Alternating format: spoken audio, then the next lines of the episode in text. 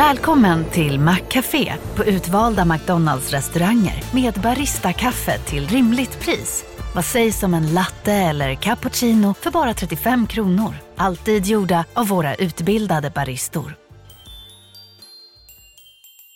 Hej, Susanne Axel här. När du gör som jag och listar dig på en av Krys vårdcentraler får du en fast läkarkontakt som kan din sjukdomshistoria.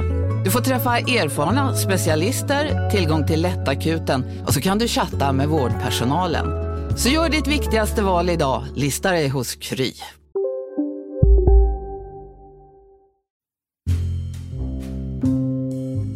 Det finns en tyst överenskommelse mellan de stora bankerna att vi ska inte gå in och sänka priserna för att vinna varandras kunder.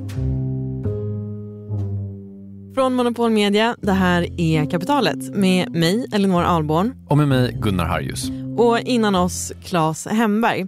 Vi ska återkomma till honom jättesnart, men först... Hej och välkomna hit. Hej och välkomna från vår finansminister Elisabeth Svantesson. Det här är från en presskonferens som hon höll den 31 oktober i år. Om jag ska sammanfatta läget i ekonomin så kan man ju säga att det är en dyster bild som vi ser. Vi går inte bara bokstavligt talat mot vinter utan även svensk ekonomi går mot en rätt bister vinter. Ja, eh, det är ju deppiga tider. Men samtidigt som hon höll den här presskonferensen så var det fest på alla banker i Sverige. Inte bokstavligt talat vad jag vet, men höstens kvartalsrapporter hade just släppts med stora rubriker om rekordvinster. Mm. Under tredje kvartalet 2022, alltså juli, augusti och september, så hade Handelsbanken gjort ett rörelseresultat på 7,3 miljarder. SEB hamnade på 9,1 miljarder, Swedbank 7,1 miljarder och Nordea landade runt 14,9 miljarder kronor. Eller så, de redovisar i euro så det blir lite svårt att säga liksom, exakta kronor. Precis, men, men hur som helst så var det väldigt stora vinster för alla fyra svenska storbanker. All time high som Handelsbankens vd Karina Åkerström formulerade i deras rapport. Och det går alltså ännu bättre för alla banker än vad alla analytiker hade trott. Kul för dem. Samtidigt då som resten av ekonomin är på väg mot en citat bister vinter. Slutcitat. Ja, och det som menas bokstavligt med det är ju bland annat att inflationen är jättehög vilket gjort att Riksbanken höjt styrräntan för att stävja den vilket i sin tur gör att många nu betalar mer än någonsin i ränta på sina bolån till just bankerna. Mm. Så de här all time high-vinsterna har ju fått många att eh, höja på ögonbrynen. Ja, det kan ju kännas lite orättvist kan jag tänka mig. Ja, eh, det tycker ju till exempel Claes Hemberg. Alltså det är väldigt mycket party och kalas på Saltsjöbaden kanske och Djursholm där de här direktörerna bor. Men i övriga Sverige så mår folk ganska påvert och fattigt och känner att det är svårt att få ihop plånboken. Han har alltså jobbat med ekonomi i 30 år, bland annat som bankekonom och nu håller han på med styrelsejobb och gör analyser och coachar vdar och sådär. Oberoende ekonom kallar mig, det känns ju bra. När Claes Hemberg tittar på de här stora bankvinsterna så känner han sig jätteorolig. Det här är ju stora pengar för svenska folket och någonting vi bär med oss många årtionden framöver. Så det hjälper inte att säga att det löser sig. Det är akut att göra någonting nu. För konsumenterna ger bort pengar idag. Ger bort liksom barnens, barnens julklappar till bankdirektörerna. Det kan ju inte vara rätt. Dagens Kapitalet ska handla om hur och varför de svenska bankerna tjänar så mycket pengar just nu. Och om ifall den svenska bankmarknaden helt enkelt är ur funktion. Efter det här.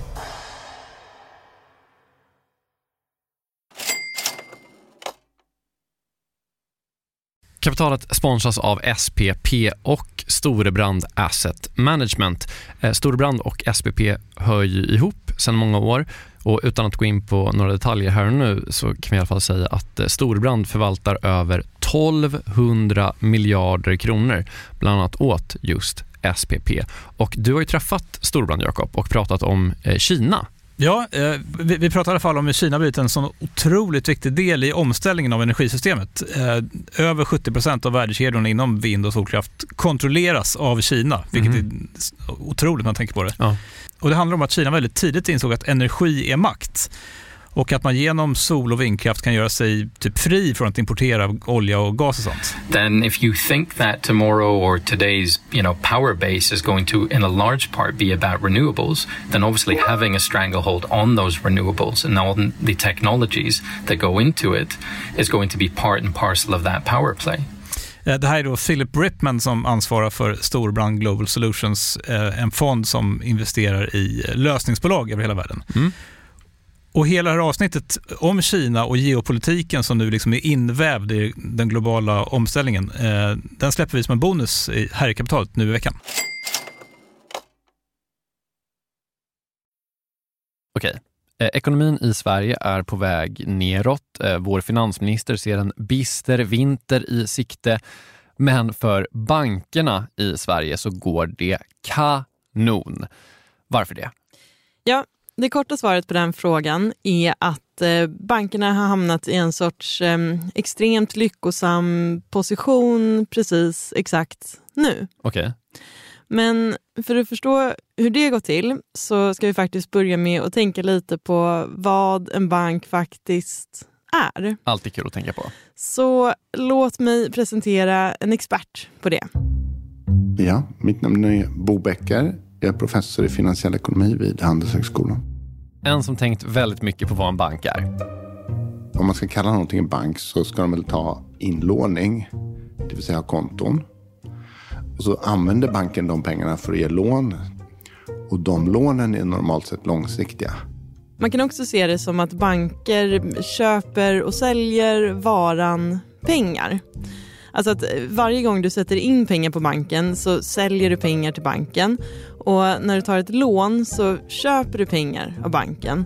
Och för att banken ska gå med vinst så måste de köpa in pengar billigare än de sen säljer pengarna för. Just det, som typ allt, som en, eh, en järnhandlare eller någonting. Precis. Och att bankerna kan köpa pengar billigare än de säljer dem för beror ju på att du kan ta ut alla dina pengar från banken när som helst men att banken inte kan kräva att få tillbaka sina pengar av dig när som helst. Så därför är liksom priset på pengarna som banken köper av dig, alltså räntan som du får på ditt sparkonto, alltid lägre än priset eller räntan på pengarna som banken ger till dig. Alltså när du tar ett bolån till exempel. Mm. Eller med andra ord. Man tar in pengar med kort löptid och sen lånar man ut med lång löptid. Det är jätteviktigt för finansiella systemet och det leder ju också till vinster för dem. Så det är en jätteviktig funktion och det är på något vis kärnan i att vara en bank.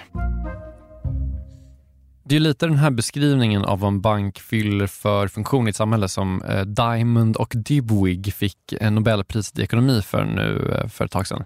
Precis. Och sen gör ju en bank idag också en massa annat som de tjänar pengar på. De säljer fonder, de växlar valutor, de hanterar betalningar åt företag. En mängd saker som också genererar intäkter. Just det. Men så kärnan i att vara en bank är helt enkelt att man köper pengar billigt med kort löptid och så säljer man dem dyrt med längre löptid. Och Det är också den kärnan som gör att bankerna tjänat så mycket pengar just nu. Det har gått jättebra att köpa billigt och sälja dyrt helt enkelt. Okej, och varför har det liksom gått ovanligt bra just nu? Det beror på en kombination av två grejer enligt Bo Becker. Två grejer som råkar vara lite av ett lyckligt sammanträffande, eller vad man ska säga, just för bankerna just nu. Nummer ett är att konjunkturen just precis nu faktiskt är hög. Nej, det är det väl inte? Eller vadå? Jag tror det var bister vinter och allt vad det var. Alltså alla pratar väl om hur otroligt dåligt det är med ekonomin. Till exempel vi gör det nästan varje vecka. det är ju sant i och för sig. Men grejen är att egentligen så är vi bara på väg dit. Alltså vi står väl liksom på branten inför ett stup kan man väl se det. Men om man kollar just exakt nu och kanske ännu mer det här tredje kvartalet, alltså juli, augusti och september, så är det faktiskt fortfarande goda tider. Och det syns i bankernas rapporter. Banker är en cyklisk verksamhet. De tjänar pengar i högkonjunktur, förlorar pengar i lågkonjunktur. Och konjunkturen är fortfarande stark i Sverige. Alltså om man kollar just exakt nu så är tillväxten fortfarande bra. Arbetslösheten är den lägsta på många år. Du och jag kan fortfarande betala för våra bolån. Företag tjänar pengar. Då blir det få kreditförluster som realiseras och då tjänar de pengar. Men alltså, eh, precis som du är inne på så håller den ju på att svänga neråt. Men man kan ändå liksom, än så länge fortfarande ta upp en bankrapport, titta på den och tänka, ah, högkonjunktur. Just det, men sen i en lågkonjunktur så kan folk inte ta så stora lån eh, och de kanske inte kommer kunna betala för alla sina lån och då kommer bankerna förlora pengar. Precis, men det tar liksom ett tag. Säg att när vi haft ett par kvartal med dålig tillväxt och kanske till och med krympande ekonomi, då kommer kreditförlusterna börja synas i bankernas resultaträkningar. Så det, det är ju lite eftersläpning och det har, lågkonjunkturen har ju inte ens börjat att säga. Bara för att vara jättetydlig, kreditförluster är alltså pengar som banker förlorar när folk inte kan betala sina lån. Just det. Okej, så att eftersom högkonjunkturen exakt just nu drar typ så en, en sista liksom dödsrossling, eller man ska säga, eh, så tjänar bankerna fortfarande mycket pengar för att de liksom alltid gör det när det är högkonjunktur. Precis, för både företag och människor tar och har stora lån som de kan betala för. Kul för bankerna och eh, sen har det också varit extra kul just i år på grund av den andra grejen. Nummer två, inflationen har ju gjort att räntorna har gått upp överhuvudtaget i Sverige och på andra ställen. Och det har gjort att räntenettot har expanderat för banken på många ställen. Att eh, räntenettot har expanderat det betyder helt enkelt att skillnaden på vad banken tjänar på att sälja pengar och förlorar på att köpa pengar har vuxit. Eller med andra ord, skillnaden på vad jag får i ränta på mitt sparkonto och på vad jag betalar i ränta på mitt bolån har eh, blivit större. Mm, alltså jag tror alla har väl märkt att bolåneräntorna har gått upp ganska mycket samtidigt som räntorna på sparkonton och lönekontona inte har gått upp så himla mycket och då blir det liksom automatiskt, eller man ska säga, mer pengar till bankerna. Mm. Så nu det här tredje kvartalet i år då till exempel så hade Swedbank ett eh, rörelseresultat på 7,1 miljarder och deras räntenetto var då på 8,36 miljarder kronor. Alltså så mycket pengar de tjänade på eh, skillnaden mellan inlåningsräntan och utlåningsräntan. Exakt. Det är väldigt mycket pengar. Det är väldigt mycket pengar. Och att eh, till exempel bolåneräntorna har gått upp eh, det beror ju på att Riksbanken har höjt styrräntan för att bekämpa inflationen. På fem månader har styrräntan gått från ingenting alls till 1,75. Vi har varit i den här nollräntevärlden och det har varit negativt för marknadens lönsamhet och det är borta nu. Och eftersom styrräntan har gått upp så har liksom alla andra räntor hängt på. Eftersom Riksbanken är bankernas bank så betalar bankerna högre ränta till Riksbanken. Och nu betalar jag då ännu mer för mitt bolån till banken. Mm. Men bankernas inlåningsräntor, alltså det de lånar av dig på ditt lönekonto eller sparkonto, de räntorna har inte höjts så mycket. Och grejen är att läget som vi har just nu är ju unikt och på ett sätt rätt unikt bra för bankerna. För att i vanliga fall, eller vad man ska säga, så brukar ju hög konjunktur hänga ihop med hög inflation och låg konjunktur med låg inflation. Just det, så att i vanliga fall så brukar man då sänka räntan för att elda på ekonomin, för att mildra lågkonjunkturen. Men nu går inte det eftersom inflationen är så hög. Så för bankernas del, just nu, så har de liksom både höga räntor samtidigt som det är högkonjunktur. En unik fest. All time high. Okej, om vi ska sammanfatta lite grann då. Bankerna går bra av två anledningar enligt Bobäcker. Ett, för att det faktiskt fortfarande är högkonjunktur.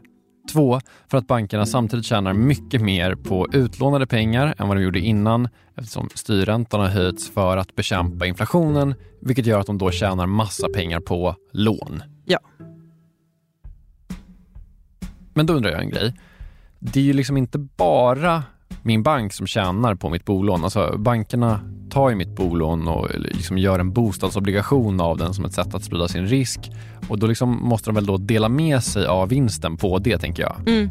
Ska vi bara dra hur en eh, bostadsobligation funkar? Ja, alltså eh, det är ju så att eh, banken ger dig en miljon så att du kan köpa en lägenhet Mhm. och så får du betala, vi säger eh, 2 i ränta i 10 år. Ja.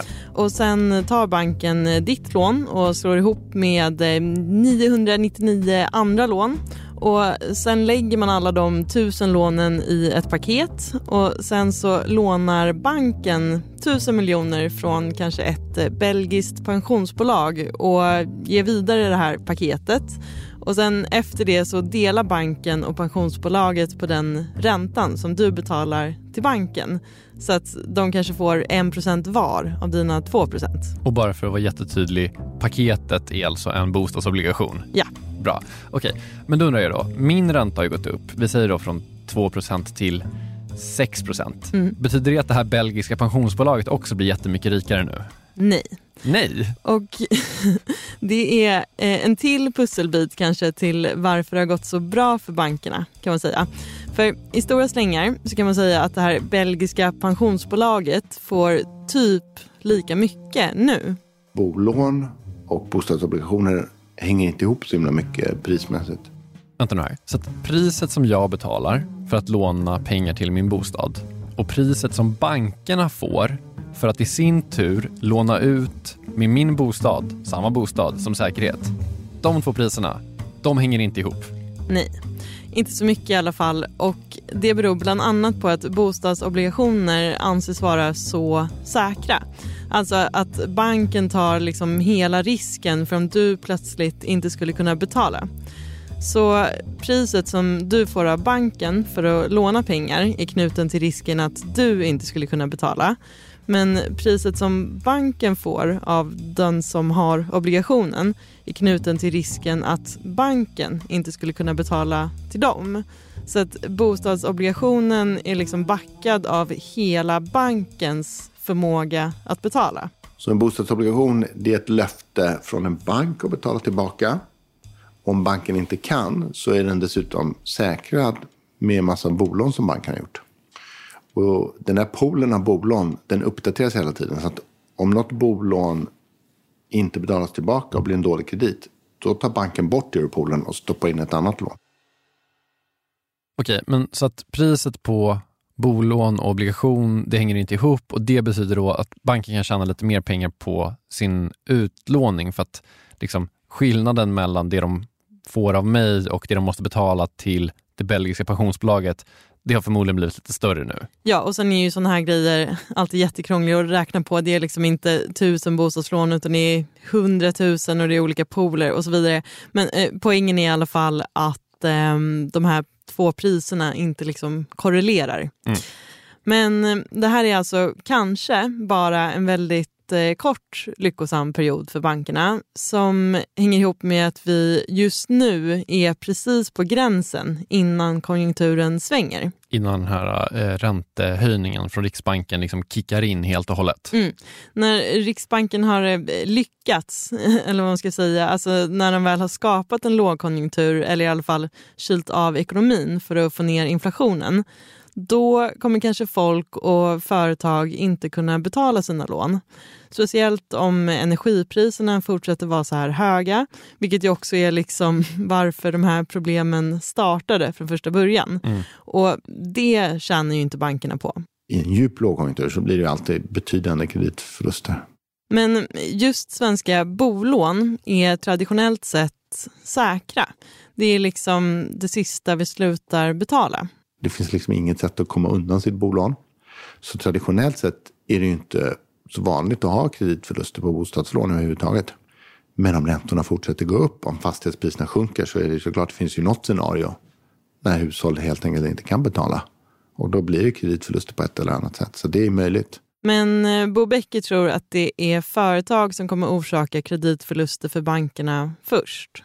De som har höga energikostnader och drabbas mycket av räntehöjningar kommer att få problem med sina lån. Kanske ett fastighetsbolag.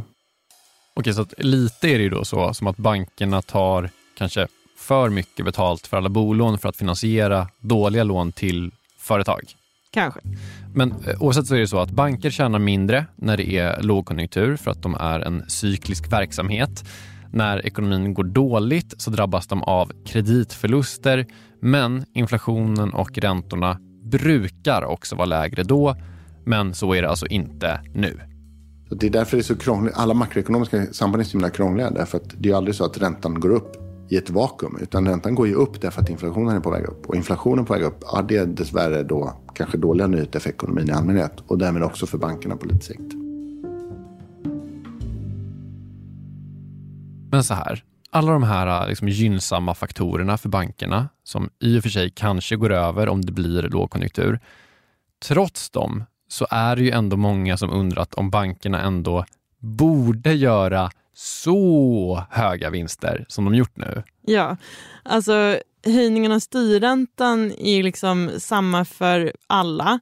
Men bankernas egna räntor till dig och mig, de sätts ju liksom helt individuellt och lite mer hej vilt. Ja. Alltså baserat på marknaden då och kreditrisk och, och sådär. Eller typ hur bra jag är på att förhandla. Mm. Och det är såklart fritt att sätta vilka räntor man vill. Det är liksom ingen lag ens på att en bank ska höja bolåneräntan när styrräntan går upp. Det är ju bara marknadslogik som styr det. Så de här stora vinsterna går ju ändå att diskutera. Vilket till exempel Claes Hemberg gärna gör. När Riksbanken höjer räntan så ger man bankerna mer muskler att eh, tjäna mer pengar. Så att det är inte bankerna som gör ett bättre jobb. Det är inte direktörerna som ska bonus. Det är bara med Stefan Ingves som ska ha bankbonus om det är någon. Men jag tycker det kan de undvika. De tjänar så mycket pengar ändå. Okej, Claes Hemberg vet i alla fall var han står här. Mm.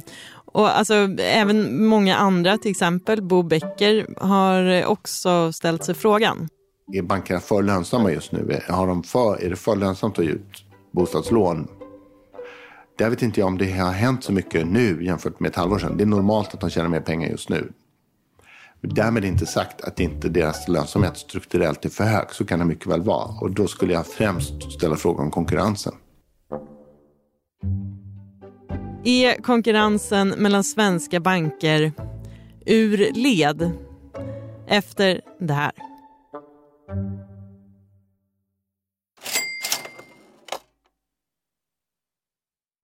Vi- sponsras ju av SPP och vi var ju med dem eh, på Tech Arena förra veckan. Och jag tänkte berätta om en bolagspitch som jag såg. Ja. Det dyker upp en italiensk eh, tjej på scen som heter eh, Eleonora Cavani, en för detta bioingenjör och konsult som- kommer på att bakteriekulturen i magen är en källa till en massa problem för folk Eh, och att det liksom börjar tidigt i livet. I have a lot of allergies and I have eczema, and I've been through a lot uh, trying to change my diet and my lifestyle to really reduce my symptoms, which I managed to do. And uh, once I learned more about the microbiome, it, it really shocked me to find out that we know that some gut microbiome imbalances in early life are linked to chronic diseases for the rest of life. So I thought, wow, how strange that we know so many things and we're not really using them in real life. So I, I felt like I had to do something. Eh, Så hon startar något som heter Alba Health, eh, att förväxla med Alba Golf som vi gillar, eh, där småbarnsföräldrar kan skicka in prover från sina barn. We send you a kit. Um, it's a test that you can take at home. We need a poop sample. You can take it from the diaper. We receive it, we analyze it, we give you back results and recommendations on uh, lifestyle, food, and uh, potentially probiotics. Och, och folk kommer liksom tycka att det är lite äckligt och sånt, men jag kände så här, det är så mycket negativitet i världen just nu. Eh, Och du var inne på det tidigare, liksom att det här stället var ju fullt med folk som typ vill göra grejer. Mm. Och här springer omkring liksom sjukt duktiga människor och bara försöker förbättra för folk och göra världen till en bättre plats. Och Eleonora då och Alba Health är ju liksom ett sånt gäng som var där. Mm. Av liksom hundratals. Ja. Eh, Och det gjorde mig glad faktiskt. Ja, nej, det, jag tycker det lät toppen. Och grejen är också att sådana här idéer och projekt som förbättrar samhället över tid, de tar tid eh, och behöver liksom långsiktigt kapital. Och då kan ju vi genom pensionerna göra stor skillnad. Jag ska säga att SPP har ingenting med Alba Health att göra. Jag, jag hittade henne bara, jag tyckte hon var duktig. Caset finns ju och det är väl den här typen av saker som kan ta väldigt lång tid, där pensioner verkligen kan göra skillnad och där liksom pensionernas roll i ekonomin kan bli extra tydlig. Och den kopplingen tänker man inte på så, så ofta. Nej, men eh, med den kopplingen in mind så säger vi tack till SPP som gör oss medvetna om pensionernas roll i ekonomin och herregud i vår privatekonomi också. Precis, tack. Tack.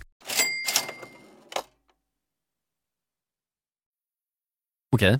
De svenska storbankerna har gjort rekordvinster i år. Rapporterna för tredje kvartalet, alltså juli, augusti och september, slog alla förväntningar. Och Det kan man då förklara med att vi just nu faktiskt har både högkonjunktur, i alla fall ett litet, litet tag till, och höga räntor. Men man kan ju då också fråga sig om vinsterna faktiskt var väl höga strukturellt och hur väl konkurrensen funkar mellan svenska banker. Ja, en som har frågat sig det är till exempel Bo Becker, professor i finansiell ekonomi vid Handelshögskolan. Det finns ju till exempel inte så mycket reklam, man möts inte av reklam för att flytta bank till exempel, så det kan ske något som inte riktigt fungerar.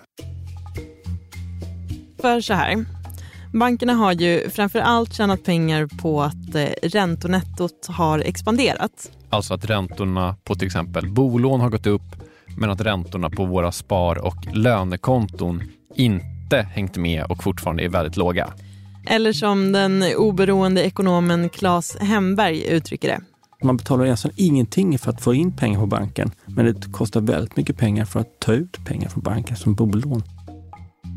Idag har alla svenska hushåll tillsammans över 5 000 miljarder kronor i bolån. 5 biljoner kronor, vilket gör att det blir väldigt stor skillnad om man höjer räntan bara pyttelite.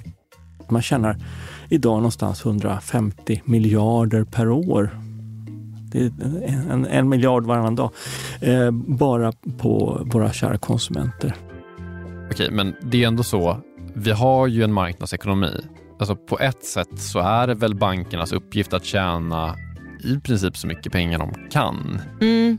Och de måste väl också gå med någon vinst, tänker jag, alltså ja. som det ser ut nu. För att annars skulle vi behöva liksom rita om hela samhällssystemet i grunden. Mm. Men eh, till exempel Claes Hemberg tycker ju att bankerna gör för stora vinster och att det drabbar svenska folket som dessutom ju blir fattigare av inflationen. Just bolån är en jätteutgift i livet. Var fjärde krona vi tjänar. En av fyra, jag viftar nu med fingrarna här om ni inte ser det. Var, en av fyra fingrar går till bolån. Det är jättemycket pengar. Det är mycket, dubbelt så mycket som vi lägger på mat till exempel. Eller dubbelt så mycket som på kläder. Och konkurrensen på bankmarknaden verkar inte funka så bra. För om vi säger att vi hade haft jättebra konkurrens då hade alla banker slagits om ditt bolån. Alltså om vi säger att du har en bolåneränta på 6% på SEB. Då hade Handelsbanken sänkt sin ränta till 5% för att vinna över dig som kund. Och då kanske Nordea hade sagt så här, nej, nej, nej, Gunnar, kom hit, här kan du få 4 och så vidare. Eh, ner till någon sorts eh, gräns då när de liksom måste väga det mot sin egen vinst och så. Just det. Jag hade liksom översköljts av riktad reklam för eh, banker med låga bolåneräntor och eller höga sparkontoräntor. Mm. Och riktigt så är det väl inte idag? Nej, ingen bank hör av sig till mig och säger Gunnar, vi kan sänka din bolåneränta nu. Nej. Det är ingen som liksom, de har inte den aggressiva telefonförsäljningen i alla fall. Exakt. Och alltså både Bo Becker och Claes Hemberg och eh, många andra tycker att konkurrensen mellan storbankerna verkar funka sådär. Vilket då skulle kunna vara en förklaring till att de gör så stora vinster. Och um, enligt eh, Claes Hemberg så skulle man kunna lägga liksom skulden för det på tre olika parter kan man säga. Dels dig och mig, dels eh, myndigheter och dels bankerna själva. Okej, om vi börjar med eh, oss själva då. Berätta gärna för mig om på vilket sätt det här är mitt fel. Mm, alltså dig och mig och alla andra konsumenter då. Mm -hmm. eh, vårt problem är att vi är för slappa. Alltså eh, svenskar är helt enkelt sjukt dåliga på att byta bank. Och SEBs vd Johan Torgeby, han sa till och med i en intervju, alltså just när det var en sån här stor grej om de här jättevinsterna nu i höstas, att eh, de försöker påpeka för sina kunder att de ska flytta pengarna till konton med högre ränta. Mm. Och psykologiskt så tänker folk liksom på sin bolåneränta mer som en sorts obligatorisk avgift snarare än något man väljer att köpa, enligt Claes Hemberg folk förstår inte och ser inte de här bolånen som en utgift. De ser det bara som någonting som man, ja, man måste betala. Och så tjänar jag pengar på med stigande värdet på bostaden, tänker folk. Så att det gör ju ingenting att banken får massor med vinster. Jo, men du kan använda pengarna till popcorn istället eller köpa fisk. Jag vet inte, till middag. Okej, så det är åtminstone delvis ditt och mitt fel som kunder för att vi är för lata och inte orkar byta bank. Ja, och enligt Bo Becker så är det rätt knepigt att få till konkurrensen just på marknaden för sparkonton. Just för att det finns så många lata kunder. Tänk att man är en bank och att det finns vissa eh, insättare där ute som är ganska rörliga. Så när jag höjer min ränta så lockar jag till med flera av de rörliga insättarna. Men det finns också insättare där ute som är orörliga. Som inte tittar på räntan på sitt konto och som kanske inte orkar öppna ett konto i en annan bank. Om man höjer räntan för alla så lockar man till sig fler av de här olata kunderna. Men man betalar också plötsligt mer för de orörliga. Så om jag höjer räntan för alla, då får jag en förtjänst där jag lockar till mig några, fler av de rörliga insättarna. Men jag betalar också mer för de orörliga som jag inte behöver betala egentligen för att behålla. Så det kan hända att bankerna är lite försiktiga med att höja räntan. Därför att de vill inte betala mer än de behöver för de många sömniga insättarna som egentligen inte tittar på den här räntan. Och ett sätt som banken kan lösa det här är kanske att ge nya kunder bättre villkor. Och så har det ju visat sig funka när det kommer till försäkringar till exempel. Senast bara för några månader sedan var Finansinspektionen ute och tittade på hur hur det ser ut i försäkringsvärlden som ligger väldigt nära den här världen. Och det visar sig att de som har varit gamla kunder länge, de fick betala mycket dyrare. De som var nya, unga kunder, de fick betala mycket lägre avgifter. Så att det, man tjänar inte pengar på att vara liksom lojal till en aktör, utan det snarare förlorar man på. Utan man ska gärna byta vartannat, vart tredje år, så man alltid är på tå om man så vill. Men sen har vi också myndigheter som ska skydda konsumenter och liksom reglera marknaden. Och Claes Hemberg tycker inte riktigt att de gjort sitt heller. Om jag satt på Konsumentverket och skulle jag säga vi ska affischera på stan, se upp för bolåneräntor. Nej men hjälpa folk att förstå det här. Det är ungefär som alltså, förorenat vatten mig, eller dålig luft eller gift i maten. Det varnar man för. Men gift på bolånekontot, det tänker man inte på. I alla fall inte myndigheterna och inte vi som konsumenter heller. Så Claes tycker att man till exempel kan höja kraven på vilken information som bankerna måste dela med sig av. Dels vad, vad betalar du när du är kund hos oss? Jo, du betalar faktiskt 78 eh, 000 kronor varje år. Och om vi ser att, att myndigheterna har ställt tuffare krav senaste året, man har infört begreppet snittränta där bankerna måste berätta hur mycket betalar snittkunden hos oss Alltså när man pratar om listpris, då är det egentligen bara en ränta som banken hittar på och sätter i skyltfönstret. Men de senaste åren så har bankerna också tvingats informera om vad kunder faktiskt betalar och det är det som är snittränta. Och det har ju hjälpt konsumenten att få mera insyn och makt över sin situation men det måste mer, mer mycket till sådana grepp. Och då undrar man ju vad myndigheterna själva säger om det här. Till exempel Konkurrensverket. Ja, jag heter Mark Bernard. Jag jobbar på Konkurrensverkets eh, enhet för analys och forskning. Mark berättar att eh, Konkurrensverket inte har fördjupat sig i det här sedan 2018. Även om vi har haft ett öga på det. Men när de kollade på konkurrensen mellan storbankerna för några år sedan så tyckte inte de heller att det såg toppen ut. Då konstaterade vi att konkurrensen mellan storbankerna inte var tillfredsställande, men att det samtidigt fanns ljusa punkter, just regleringsmässigt i alla fall bättre förutsättningar för konkurrens. Och med bättre förutsättningar regleringsmässigt så menar han till exempel något som heter det andra betaltjänstdirektivet. Och det är en EU-grej som vi inte ska gå in närmare på nu. Nej. Men eh, poängen är i alla fall att eh, Konkurrensverket alltså också tycker att bankmarknaden funkar sådär. Skulle jag säga till en fullständigt tillfredsställande konkurrens är det kanske en bit. Så vissa ljusa punkter mot en eh, otillfredsställande bakgrund skulle jag säga är, är status. Men sen en, en, stor del av det här som till exempel konkret vilka informationskrav man skulle kunna ställa på bankerna. Mycket av det hamnar snarare på Finansinspektionens bord och de ville inte ställa upp på intervju. Fast du har hört av det flera gånger? Ja. Mm, då vet vi det. Och Sen är det också så, tycker Claes Hemberg, att eh, bankerna skulle också självmant kunna bli bättre på att ge mer transparent information till kunder. Också för sin egen skull. Om jag satt på en bank skulle jag säga det att mig, vi måste bli bättre på att informera konsumenten för annars kommer vi få demonstration utanför vår dörr här ganska snart. Och det är kanske inte så kul att folk blir arga. Men det tycker jag nästan folk har rätt att bli för att de är så illa behandlade. Men eh, som det ser ut idag då, så tycker Claes att eh, konkurrensen mellan bankerna är så dålig att det ser ut som att de rakt av har en kartell.